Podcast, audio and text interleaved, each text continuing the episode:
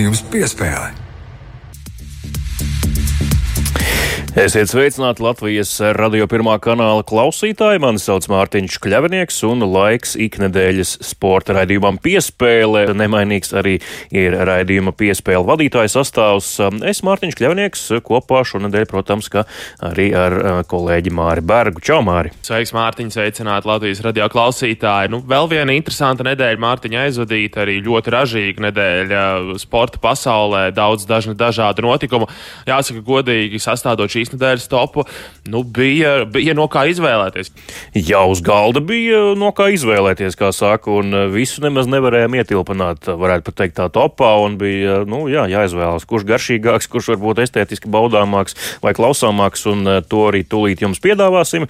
Protams, sāksim ar nedēļas topu, bet um, īsi vēl pieteikšu, šo raidījumu, tātad, um, jā, kā jau parasti veidos arī rubrika, kas lācītim vēderā, un tajā dzirdēsim arī kādu interesantu stāstu no pasaules čempionāta hokeja, kas savīts arī ar raidījumu piespēle vēsturisko sastāvu pavisam nesen, un, protams, raidījuma noslēgumā, kā jau mēneša pēdējā svētdienā, protams, arī rubrika ciemos pie Gunāra Jākopsona, kur, kā jau dzirdējāt, arī pašreklāmā Gunārs studijā aicinās Latvijas hokeja fanus. Bet tas viss jau pēc pavisam īsa attēlpas mirkļa.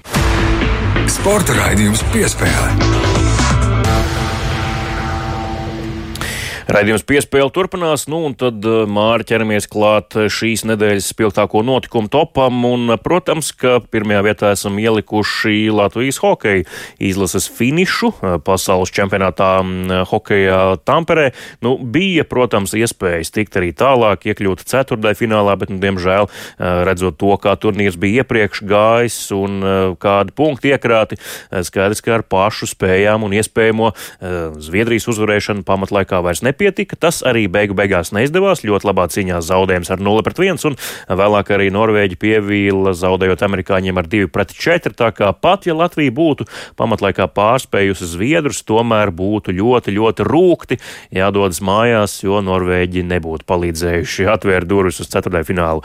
Jā, Mārtiņ, nu pagājušajā nedēļā mēs ar tevi raidījumā bijām izkalkulējuši šo perfekto scenāriju, kas būtu jāizdara Latvijas izlasēji un arī konkurentiem, lai mūsēji tiktu tālāk. Nu, diemžēl ne pašiem izdevās, ne arī konkurenti palīdzēja. Līdz ar to nākas samierināties ar desmito vietu šajā pasaules čempionātā.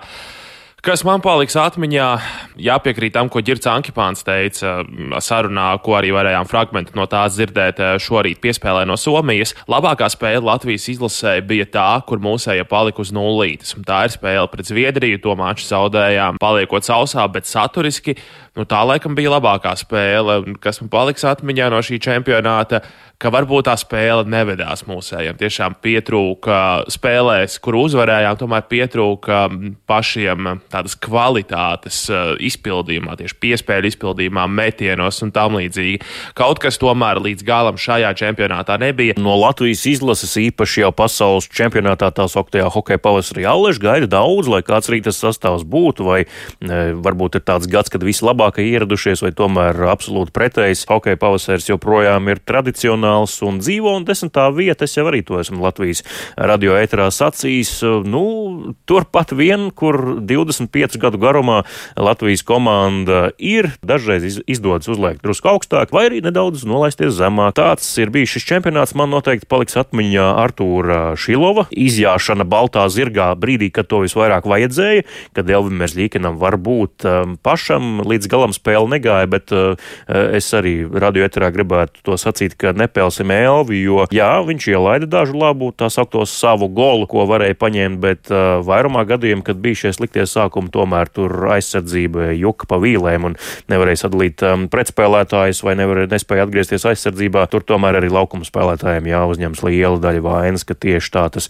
notika, un paši viņi to arī pēcspēles komentāros nereiz vien atzina. Tas, ko redzēja Tamperē, paliks atmiņā tas, ka bija jāvalkā masks uh, preses centrā, kas bija piektajā stāvā, un arī interviju zonā, kas bija pirmajā stāvā, visos pārējos halas stāvos varēja staigāt bez maskām. Liftā darbinieki, tehniskie darbinieki brauc kopā ar hokeistiem, kuri bija apģērbušies formās, lai dotos uz nulto stāvu uz um, treniņu hali un tās plūsmas nemitīgi krustojās. Prognozes varam izteikt, Māri, kā tu domā, tu liec uz Somiem vai uz kanādiešiem, jo kanādieši arī atkal jau otro gadu pēc kārtas tur kaut kā tur klumburējot un klūpot, bet caur radat acis tomēr rekur atkal nonākuši finālā. Nu, pusfinālā kanādieši neklumburēja, pusfinālā kanādieši brauca pāri kā traktors Čehiem.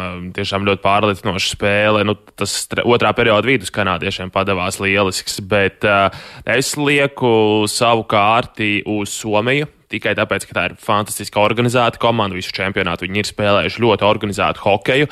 Un uh, vārdsargs Jussi Olkinora, nu, pēc grupu turnīra viņam bija pārdabiska statistika, 99% atsisto metienu, tagad ir mazliet nolaidies uz zemes, tikai 96% atsisto metienu. Un uh, Olkinora galu galā ir visvairāk minūšu laukumā pavadījis no visiem vārdsargiem. Līdz ar to labākā vārdsarga status jau, viņam jau ir kabatā. Viņš būs šī čempionāta labākais vārdsargs.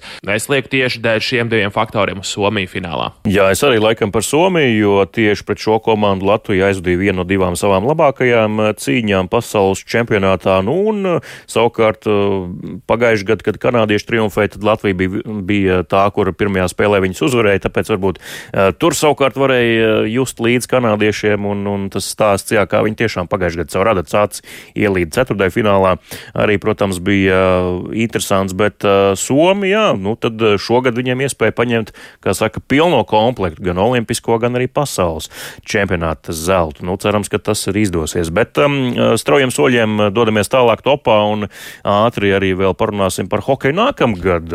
Nu jā, dažiem, kuri bija Tamperē šogad, tur būs jāatgriežas, jo pasaules čempionāts daļai notiks arī tur, un tie, kuri savukārt bija Rīgā pagājušajā gadā, arī nākamgad varēs braukt uz Rīgu.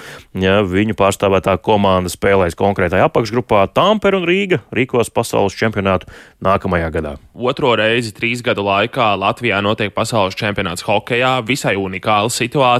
Atliek cerēt, ka nākamajā pavasarī mums nebūs jāsaskaras ar Covid-19 uzliesmojumiem, un Rīgā varēs būt tādi kārtīgi, pilnvērtīgi hokeja svētki ar pilnām tribīnēm. Tālāk topā esam ievietojuši arī, protams, lielāko iespējamo klubu hokeja, augstākais iespējamais līmenis pasaulē - Nacionālā hokeja līga Stanley Kausa izcīņa. Tur um, tuliņ klāt būs jau konferenču fināli. Viens konferences finālists gan vēl ir jānoskaidro, tur Karolīnas Hurricanes un New York Rangers cīņā ir 3-3 neizšķirts, kurš tad cīnīsies pret pēdējo divu gadu Stanley Kausa čempionu Tampa Bay Lightning, nu, un otrajā, otrā pusē Colorado Avalanche un Edmontons Oilers ar pārsteidzošajiem Leonu Draizaitlu un Konoru Makdēvidu. Laikam pārsteidzošie nav īstais vārds, drīzāk žilbinošie. Nu, šie abi divi kungi spēlē arī neticamu hokeju šobrīd. Gan Konors Makdēvis, gan Leons Draizaitls uh, spēlē vēsturiski rezultātīvāko hokeju izslēgšanas spēlēs kopš Veina Greitska laikiem, tas ir kopš 80. gadiem. Nu, tagad statistikā iemetot acis 12 spēlēs 26 punkti abiem. Tad katrs ir pa 26 punktiem savācis izslēgšanas mača laikā. Edmontona pret Colorado tur būs uguņošana. Abām komandām ir milzīgs uzbrukuma potenciāls.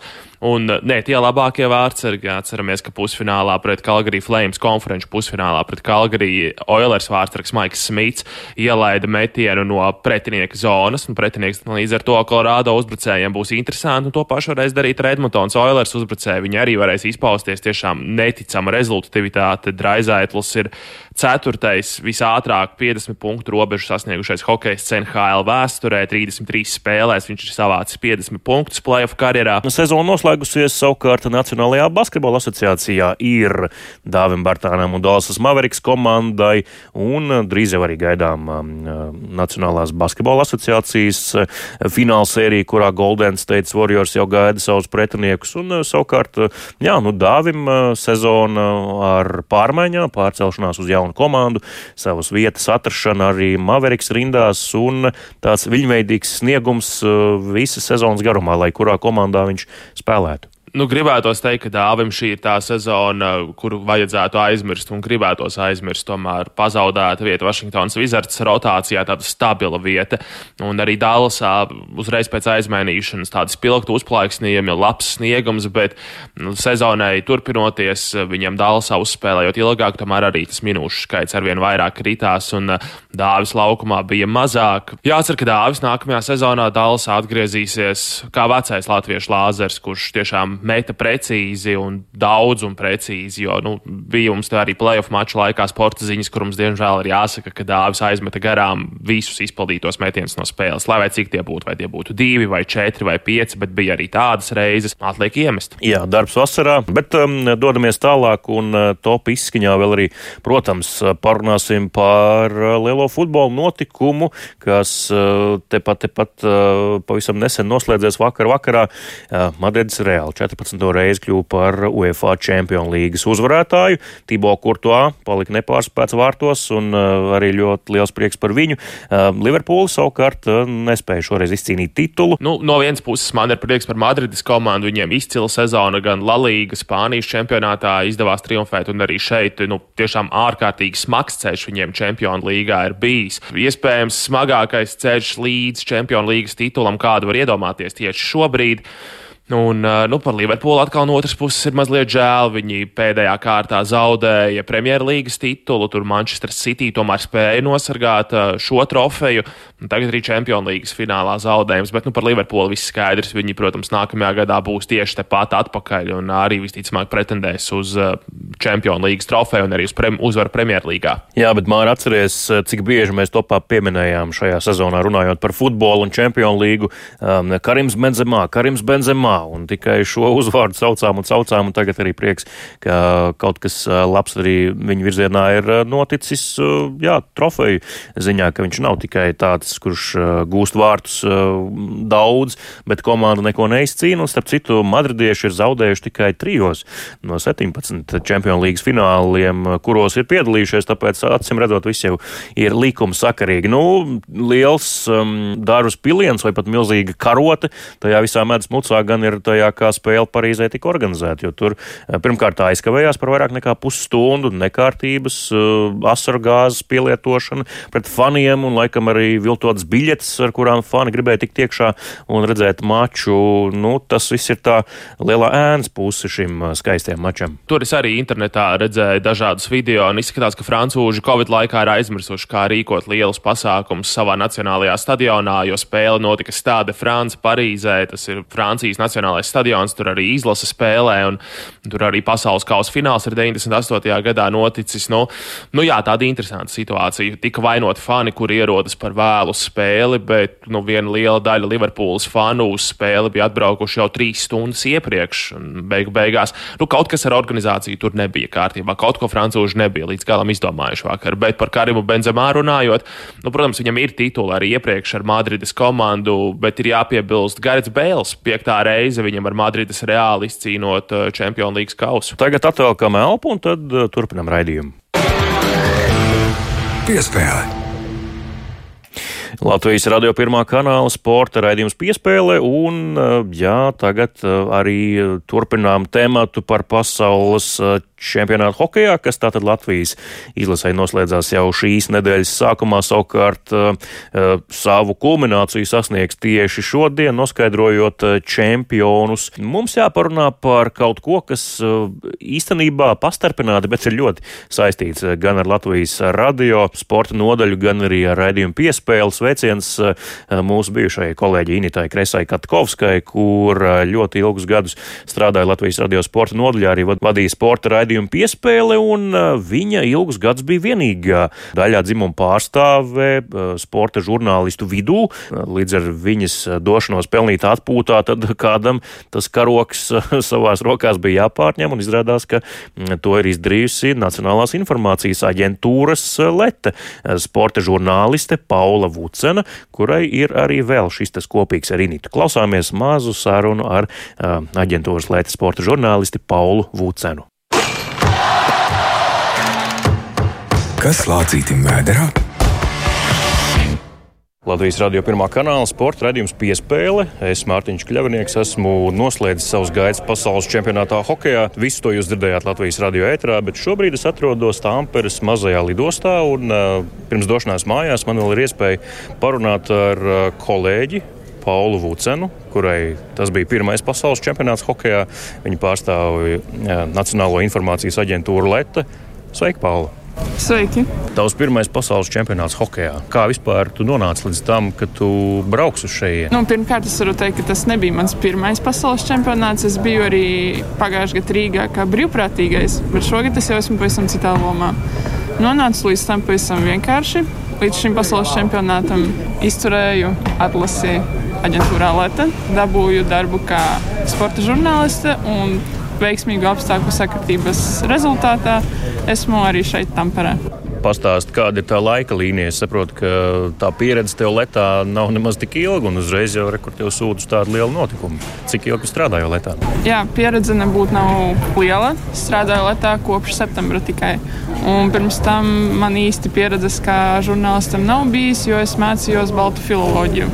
Līdz pasaules čempionātam hokeja mēs vēl nonāksim līdz tam, kas šeit Tamperē notika. Bet, Kā vispār tas solis notiek dzīvē, kā tu izdomā no filozofijas pārslēgties uz žurnālistiku? Pēc 12. klases vienmēr ir jautājums, ko darīt tālāk.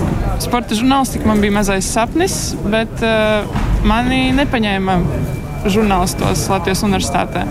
Un tad es nolēmu mācīties filozofiju un paralēli tam vienkārši mēģināt kaut kur tikt. Pāris reizes nepaņēma sporta centrā, bet uh, acīm redzot, es nepadevos un esmu tur, kur es esmu. Pastāstis par savu saistību ar sportu. Es saprotu, ka basketbols tev ir sirdī tuvāks nekā hokejs, tomēr tā ikdienā, vai ne? Jā, basketbolu es spēlēju kopš pirmās klases, astoņu gadu vecuma, septiņu. Sanāk, nu jau gandrīz 15 gadus es spēlēju basketbolu. Bet arī hokejs man ir ļoti tūs, jo tēvs vienmēr ir spēlējis amatieros. Arī no maza vecuma visu laiku dzīvojos ledus hallās. Nu, šobrīd basketbols tā ir LU komanda. Nē, šobrīd tā nav LU komanda. Ir Rīgas Stradiņu universitātes komanda. Šogad es spēlēju tur. Kā ir būt abās pusēs, ka tu esi gan tajā, kas atspoguļo rezultātus, gan tajā, kas veido? Tas ir ļoti interesanti. Noteikti interesantāk nekā tad, ja es būtu tikai vienā pusē jo tas tomēr ir divi dažādi skatījumi uz spēli. Vai nu tu esi laukuma malā vai uz laukuma, vai arī kaut kur pavisam citur no malas to visu vērojot. Mm. Nu, es arī sāku līdzīgi, sāku letā un uh, izturot atlasi. Kā tev vispār ir rakstīšana latviešu valodu skolā, kā gāja? Vai tieši tā raksturošā žurnālistika tev bija jau aicinājums, vai tu varbūt kādā citā lauciņā sākotnēji gribēji darboties? Man vienkārši patika rakstīt. Tad man vienkārši patika arī sports. Un ko var darīt, saliekot abus kopā? Tieši tā sporta žurnālistika. Jā, nu, interesanti, ka mēs šeit sēžam un runājam par uh, sporta žurnālistiku un ka tu esi saistīta ar basketbolu. Jo sveiciens cīnītāji Kresai Katkauskai, manai bijušajai kolēģei, kur arī ilgus gadus bija vienīgā dāma starp vīriem sporta žurnālistikā. Nu, kā tev ir ienākt tādā vidē, kur tomēr valda nu, maskulīnais, sauksim to tā? No sākuma bija ļoti bail, bet šķiet, ka tagad es pamazām tam visam pierodu, un arī visi pārējie pierod pie tā, ka es tagad esmu šeit arī. Bet es neteiktu, ka ir tik traki. Visi pieņem. Kāds tas tavs pirmais darba uzdevums bija ārpus uh, biroja telpām, varbūt preses konferences vai intervija, kas bija tas, kur tev tās ugunskristības pirmās bija? Man šķiet, ka pirmais, uz ko es gāju ārpus, bija Maira Brieža preses konference pirms cīņas. Tad es biju tā nedaudz nošokēta par visu. Es ļoti daudz ko nezināju, es nevienu nepazinu, bet es nenobijos aizgāju uz to preses konferenci. Tagad tu biji arī Tamperē, es nostrādājusi godam visu pasaules čempionātu. Mums te blakus arī Latvijas izlase jau gatavojas kāpt lidmašīnā tulīt. Kāds bija pirmais pasaules čempionāts uh, žurnālistas acīm un ko tu sagaidīji? Un kā tu biji domājis, kā būs? Teikšu godīgi, pirms uh, braukšanas uz Tampere es ļoti, ļoti uztraucos par to, kā būs. Uh, man liekas, ka es ļoti daudz ko nezināšu, ka nu, negluži neiedarēšos, bet kā, izkritīšu kaut kur ārā savā ziņā. Bet uh, izrādījās tam savādāk. Nu, es zināju, ka vajadzēs daudz strādāt, un bija tiešām arī daudz jāraksta. Bet tajā pašā laikā viss noritēja tik ļoti gludi, bez nekādiem starpgadījumiem, ka es pat biju pilnīgi pārsteigta par to visu, cik tas tā mierīgi noritēja. Bet visādi citādi man ļoti, ļoti patika. Un es ļoti gribētu arī vēl kādreiz uh, žurnālistu lomā būt pasaules čempionātā, jo tā pieredze ir neatsverama vienkārši. Tev, starp citu, arī viens liels bonus. Tev bija stiprais kolēģi plecs, eh, Edijs Pālens, eh, Latvijas fotogrāfs arī bija tas tavs nu, darba audzinātājs. Tā to laikam var saukt pirmajā čempionātā. Cik tas bija nozīmīgi, ka tomēr tu nebija šeit viena pamesta tamperē? Jā, jāsaka arī liels paldies Edijam, kurš mani pieskatīja un arī gatavoja vakariņas ik pa laikam. Mm. Tas tiešām noderēja, jo viņam ir li ļoti liela pieredze visos šajos pasākumos. Preses centrs, tas, kas kā un kas notika visā interviju zonā. Nu, es jau te arī drusku esmu stāstījis radio etrā, kā un kas bija. Man ir savs viedoklis par to, kas varbūt bija drusku dīvaini vai bezjēdzīgi. Kā tu domā, kas bija varbūt uh, godam organizatori izpildīts un kas bija varbūt tāds uh, neīpaši augstā līmenī? Godam varētu būt izpildīts tas, kā viņi centās, lai mēs ievērotu visus noteikumus. Valkāt kā... maskas visu laiku. Jā, tieši tas. Bet kā bija patiesībā? Tas, ko tu jau stāstīji par liftu, kurā visi varēja braukāties, tas man šķiet tā dīvaini patiesībā, ka uz lielu arēnu ir tikai viens kravas lifts, ar kuru visi brauc. Arī tā pati miksa zona, es biju domājis, ka viņa būs garāka un ka tur būs vairāk vietas, jo mēs labi atceramies, ka man šeit tas bija pēc ASV vai Somijas spēles, ka mēs tur ļoti spiedāmies visi un tur īsti nebija vietas. Jo kaut kā man bija palicis atmiņā Es arī biju Eiropas čempionātā basketbolā sievietēm. Tas, laikam, bija 19. gads. Arī biju tieši brīvprātīgais pie preses. Un tur bija rīktīgi gara tā mikzona, ka nu, visiem pietika vietas. Bet šeit tā īsti nebija. Bija ļoti īsa. Tiešām, ja būtu vairāk žurnālistu, mums tur kārtīgi nāktos pacīnīties par vietu. Uzkodas augļi vienmēr bija pieejami preses centrā, tas pozitīvi. Jā, un bulciņas arī bija ļoti garšīgas tagad ar šo pieredzi, kā tev liekas, tā tev noderēs nākotnē arī ikdienā, tādā biroja darbā, vai tas tomēr būs tāds labs pamats kādam nākamajam komandējumam drīzāk? Nē, es domāju, tas noderēs arī biroja darbā viennozīmīgi, jo tāpat ikdienā ir jāveic arī kaut kādas intervijas, jāuzzina viedokļi vai vēl kaut kādi sīkumi, ko citi nezina. Pirms tam es varbūt nedaudz baidījos kādam kaut ko zvanīt un jautāt, intervēt, bet tagad man ir vairāk pārliecības par to visu un būšu daudz drošāk par sevi. Nu, es eh, tā no malas vēroju, ka hokejisti arī te, nu, sākumā varbūt bija drusku pārsteigti. Kaut ko tur arī pakuķetēt ar tevi. Tur vēl es sākumā. Kā tev šķiet, kā tevi uztver vispār? Nu, redzot, ka tu turi to diktafonu vai mikrofonu eh, viņiem pretī, Kā varbūt viņi to uztver, vai tu esi kaut kādas izpausmes redzējusi? Izņemot to, ko tu minēji par Elvi, kad pirmajā reizē, kad viņš, eh, pirmais treniņš, kad bija viņam atbraucot uz Latviju, vairāk neviens neko, nekā uzmanību nepievērsa patiesībā. Man jau tā likās, ka viņi būtu pieraduši pie manis, kaut arī es te vispār neesmu bijusi ilgi. Viss kārtībā sarunas beigās, kāda tad ir ja tev nākotnes mērķi? Nezinu, aizbraukt uz Olimpiskajām spēlēm, kas droši vien visiem ir tas lielais uh, kalna galā esošais mērķis. Nu, jā, nākamais, ja tās skatās, tās visdrīzāk ir Olimpiskās spēles, bet tad jau redzēs, kas līdz tam vēl sanāks. Nu, lieliski, laipni lūgt žurnālistu pulciņā. Paldies par šo sarunu. Paula Vucena, Nacionālās informācijas aģentūras Leta sporta žurnāliste, tikko pabeigusi darbu savā pirmajā pasaules hokeja čempionātā kā žurnālistē. Paldies, Pauli, par sarunu, lai veicas nākotnē. Lielas paldies! Sporta raidījums piespēlē.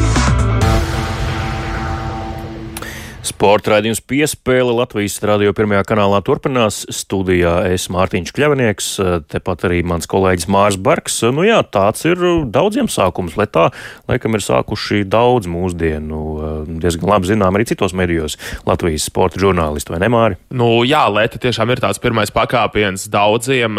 Daudziem tas arī paliek kā tāds mūža darbs, kā nu kuram, nu arī tas ir tāds mazāk zināms fakts manā biogrāfijā, bet arī man Lēta bija pirmais pakāpiens, ar ko es sāku, tā man bija augstskolas prakse, tur pusotra mēneša garumā, negluži sporta žurnālistikā, bet interesanti sanāca, ka jau trešajā vai ceturtajā dienā mani aizsūtīja uz Rio Olimpisko spēļu Latvijas delegācijas tērpa prezentēšanu. Līdz ar to kaut kādā mērā tā bija milzīga dzīves skola, kas Lietā tiešām ir, un nu, tevi iemet jūrā, peldēsi vai nokrimsi. Nu, kā, kā kuram sanāk, Mārtiņa, mēs ar tevi laikam esam izpeldējuši. Gribētos tā domāt, jā, bet, bet tagad turpinam raidījumu. Un... Kā jau mēneša pēdējā raidījumā, mūsu rubrika ciemos pie Gunāra Jākapsona, un šoreiz pie Gunāra viesojās ilgadēja hokeja fani, bet par visu tad vairāk pastāstīs pats Gunārs. Klausāmies!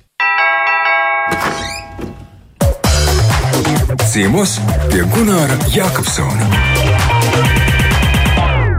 Šodien Somijā beidzas lielais hokejs, un arī lielajā hokeja teltī pamazām pierims gavilas, bungu rīboņa un taurus skaņas. Latvijas fanu kārtījās cerības saistot ar nākamo gadu, kad pasaules čempionāts atkal būs Rīgā. Bet pie manis viesos šoreiz ir sestais laukuma spēlētājs, vai precīzāk, hokeja fani, kas allaž bijuši un vienmēr paliks kopā ar saviem elkiem, savu komandu, Latvijas valsts vienību. Sporta draugu kluba nāmējas vadītājs Jānis Barkans, labdien! Sveiki. Un Latvijas fanu organizācijas līderis Dinārs Kvedovs, labdien! Sveicināti! Kas kopā ar faniem pabijis 13 pasaules čempionātos un bijis arī nevienas vien hokeja halles hokeja telts saimnieks, tostarp arī šogad blakus arēnai. Jāni, tu nu pat kā atbrauc no Somijas, kur ir senas fanu tradīcijas, kā mēs zinām. Cik un kādi šoreiz izskatījās un izklausījās Latvijas fani tajā kopējā fanu jūklī? Es domāju, ka ļoti labi. Mēs sev parādījām pēc Rīgas tukšā čempionāta un pēc Covid čempionāta, kas Šveicē nenotika. Bija jau bažas, ka cilvēku nebūs tik daudz no Latvijas šoreiz, bet es uzskatu, ka 3-4 tūkstoši bija noteikti 3. un 4. spēlē. Pret Norvēģiju un, un Čehiju bija ļoti daudz fani. Pirmās divas spēles bija mazāk, protams, pēdējā spēle pret Zviedrijām arī mazāk, bet Fani bija kuplā skaitā ar bungām, kādas 7, 8 līdz pat 10 bungas bija. Tas bija, protams, visiem pārsteigums, visiem somiem un visiem pārējiem. Nu, tā kā darījām, ko varējām. Saka, vai bija arī kādas novitātes, teiksim, uzvedībā, vai saukļos, vai atribūtikā? Nu, es arī centos sev jaunu imīžu radīt. Uztaisīja tādu speciālu cepuri ar ragiem. Vienā krāsā Ukraiņas karoga krāsās, vienā Latvijas krāsās. Un arī daudziem faniem bija līdzi tāpat šāles Ukraiņas. Ukraiņas karogi, bet tur to Ukraiņas atribūtiku īsti šī čempioni neatļāva. Tikai ārā pie halas varēja. Bet fani bija, bija, bija vecie labie fani, kam ir savi imidži. Vienmēr Jā. bija satikt prieks viņus, kas gadu no gada brauc. Kāds šogad bija? Nu, fanus tas interesē cenas Somijā, kāds servis salīdzinot ar citiem čempionātiem. Biļetes bija ļoti labas cenas, varēja pat 22 eiro nopirkt mm. biļeti. Tā nav augsta cena eh, pirms katras spēles. Nu, Somijas spēle, protams, tā bija izpirkta un tur bija lielas cenas, bet uh, pa pārējo gan nu, tas saules bija nu, nenormāli dārgs. Bija 10 eiro. 0,35 glāzīti ielai mazo. Nu, tas vienkārši no, šoks bija. Bet fanu kustība tas nav tikai alus vien, protams. Es atceros 90. gadus, kad Latvijā sākās organizēta fanu kustība. Arī, protams, braucienu uz čempionātiem, un cik atceros Čelnē pulcējot lielāko Latvijas fanu pulku 8000 līdzutēju. Bet cik sena ir tradīcija rīkot fanu teltis, un Kalapa šoreiz tā bija pārcēlusies no pilsētas centra uz ārēnu Rīgdienu? Jā, vienā sakot par to vēsturi, ap 1996. gadu, kad Eidhovenā Oļegs Znārks mūs iestūma elitē, un kur mēs atrodamies līdz šai baltai dienai. Jā, pirmais čempions man bija Somija, Tāpat kā šogad, jā, tikai toreiz bija Turku.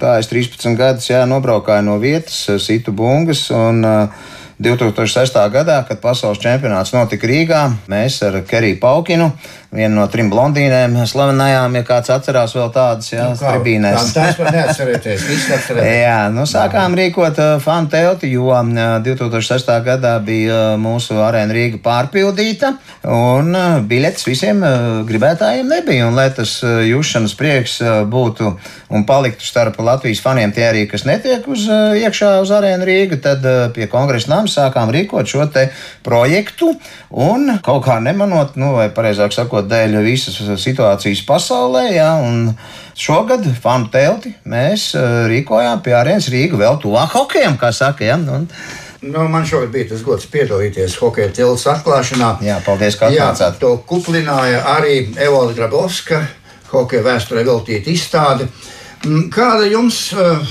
kā fanu organizatoriem, likās šī fanu telts salīdzinot ar citiem gadiem? Ziniet, bija cita lokācija, jā, nu varbūt eh, daudz pirmsākumos eh, nāca uz kongresa nāmu, ja nebija pamanījuši, ka šī telts ir pie arēnas Rīga, bet bija ļoti labs apmeklējums. Nu, izņemot pēdējo spēli, bija darba diena, jau otrdien, 12. dienā visiem, kā saka, mēs pat dziesmu likām, kam priekšnieku nav, jā, tas eh, fanu teltī fano par hokeju, jā, bet, eh, jā, tad kas par daudz viņš bija ilgadējis Latvijas izlases kapteinis, un tomēr beigās bija pilna šī telts, bet kopumā varētu teikt, ka nebija atšķirības, vai mēs viņu rīkojam pie kongresa nama vai pie arēnas Rīga. Viņa bija pārpildīta Jā, tā, nu, ar saukļiem un bungām un labu vēlējumiem un uzmundrinājumiem mūsu Latvijas hokeja valsts vienībai. Klausoties šo stāstu, man gribot, negribot nāk prātā vēl tie hokeja draugi, toreiz sauc fans par draugiem, ja,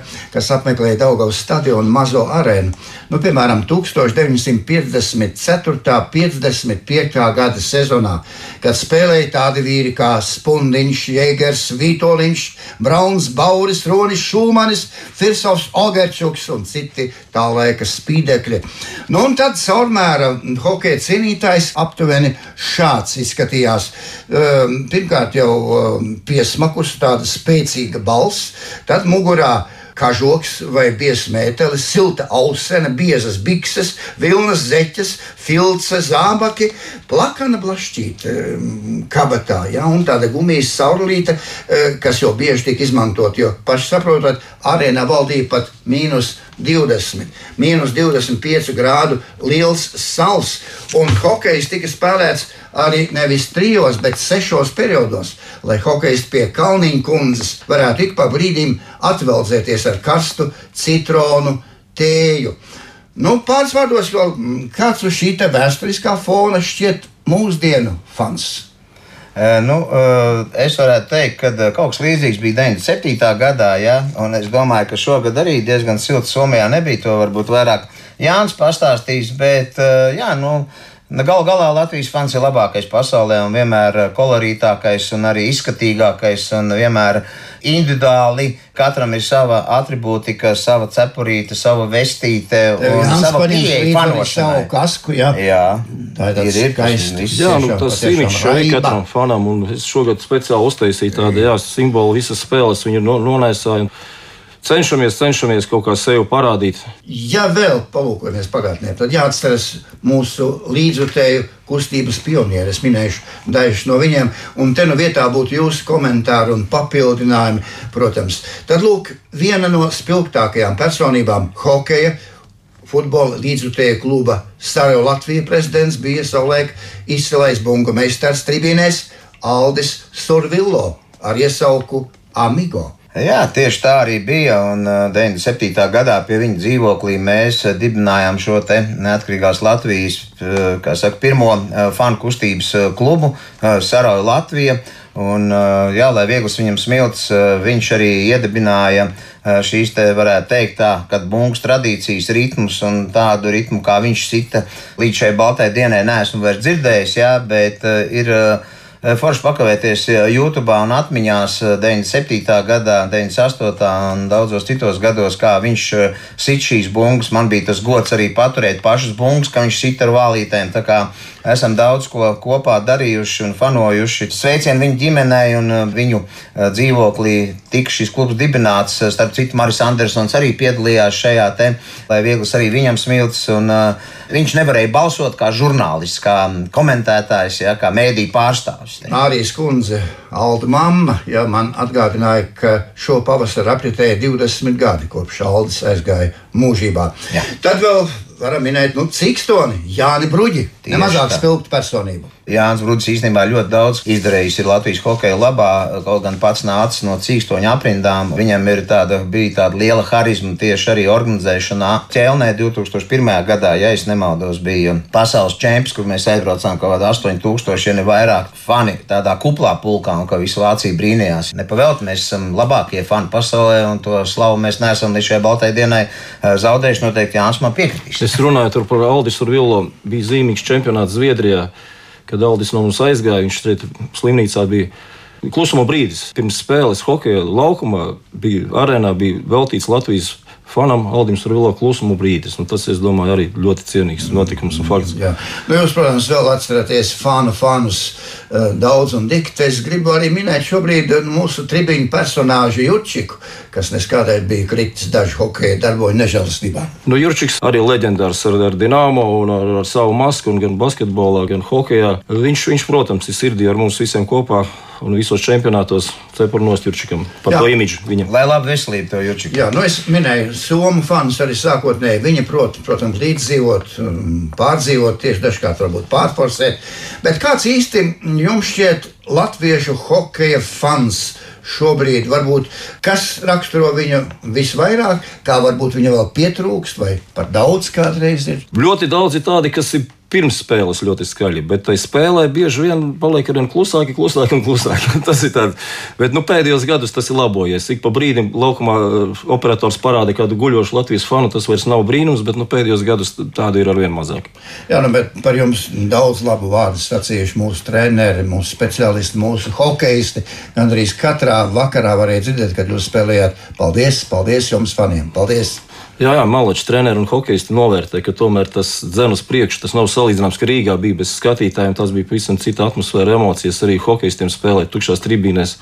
Varēja dzirdēt, mūsu bungas, pēdējo maču vienīgo skatījos pa televizoru, nu visu, visu spēli, bungu ritms gāja, un tas arī tā dunoņa, tas arī to hokeistu dzen uz priekšu. No mūsu lielajā hallē arī gāja visai skaļi un jautri un, un, un jauki vienmēr. Tieši tā, Fantelti arī bija Eh, ļoti skaļi, ja, ar dažādiem viesiem mūsu uzaicinātajiem, daudziem hokeistiem, arī dziedātājiem. Tā kā ceram, ka arī nākošais gads eh, viss notiks un notiks Latvijā un eh, notiks arī fanu teltī. Tā kā fani jau vienmēr ir kopā vienoti, kas brauc uz čempi, kas paliek uz vietas vai kaut kāda apstākļa pēc netiek, bet ir tāda arī, kas krāja visu gadu, lai aizbrauktu uz to pasaules čempi. Latvijas līdzjūšana simtprocentīgi nododās arī enerģija, nododās Jā, uz turieni, uz paudzēs. to laukumu, uz to hali, kur tas hokejs notiek.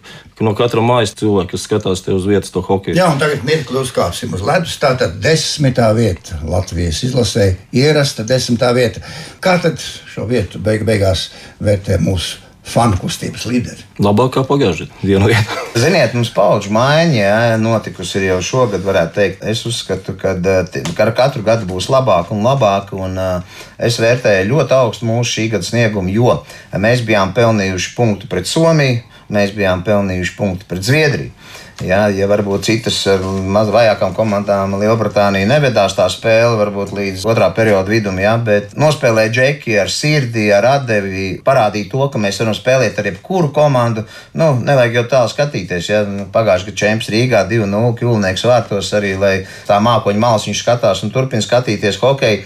2-0 kanādieši dabūja pa biksēm no mums. Nu, mēs ejam uz priekšu lieliem soļiem, es domāju, un vai par teikt tā, maziem solīšiem bet tas lielais solis tiks spērts eh, vienā no čempioniem. Es esmu par to pārliecināts. Domāju, Latvijas fani arī to, uz to cer, un Dino, mēs atbalstam jebkurā brīdī. Piekritīsim, ja mēs būtu Somijas grupā, mēs būtu ceturdaļu finālā. Es domāju, noteikti tur bija tā grupa daudzreiz savādāka, bet eh, neteiksim, varbūt, ka vājākā, saka, Lielbritānijas izlase arī pierādīja to, ka vāja komanda šeit nav. Itāļi arī ar daudzām komandām spēlē kā līdzīgs, līdzīgs. Es personīgi skatījos eh, Slovākiju ar itāļiem, jā, un tur arī bija momenti, kad bija 2-0, 2-1, un tad tur knapi, knapi trešos iemetu. Nu, tā arī tā spēle beidzās. Jā, bet itāļi arī parādīja, ka viņi māks spēlēt, un es domāju, ka elitē neviena nav vāja komanda. Tagad vispār Eiropā un pasaulē jebkura komanda spēlē labu hokeju. Jā, pasaulē prot spēlēt hokeju. Hokejs kļūst aizvien. Bet vienā ailītē mēs esam pirmie. Batņam visstiprākais metiens. Jā, Jā, protams, tas ir fiksēts. Batņam ir rekordmetiens.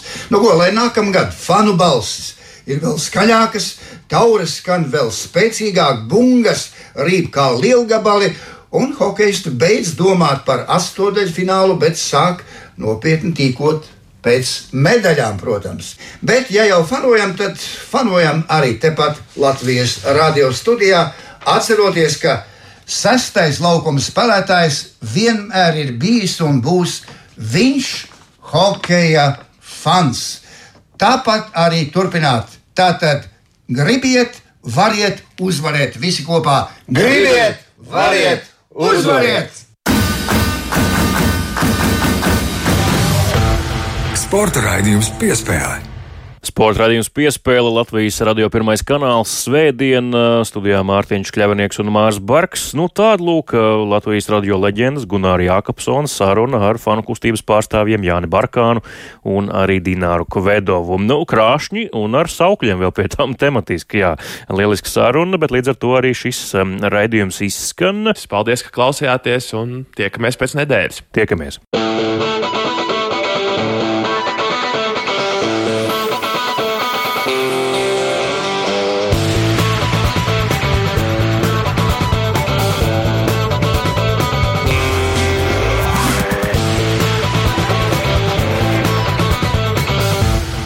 Sporta raidījums piespēlē.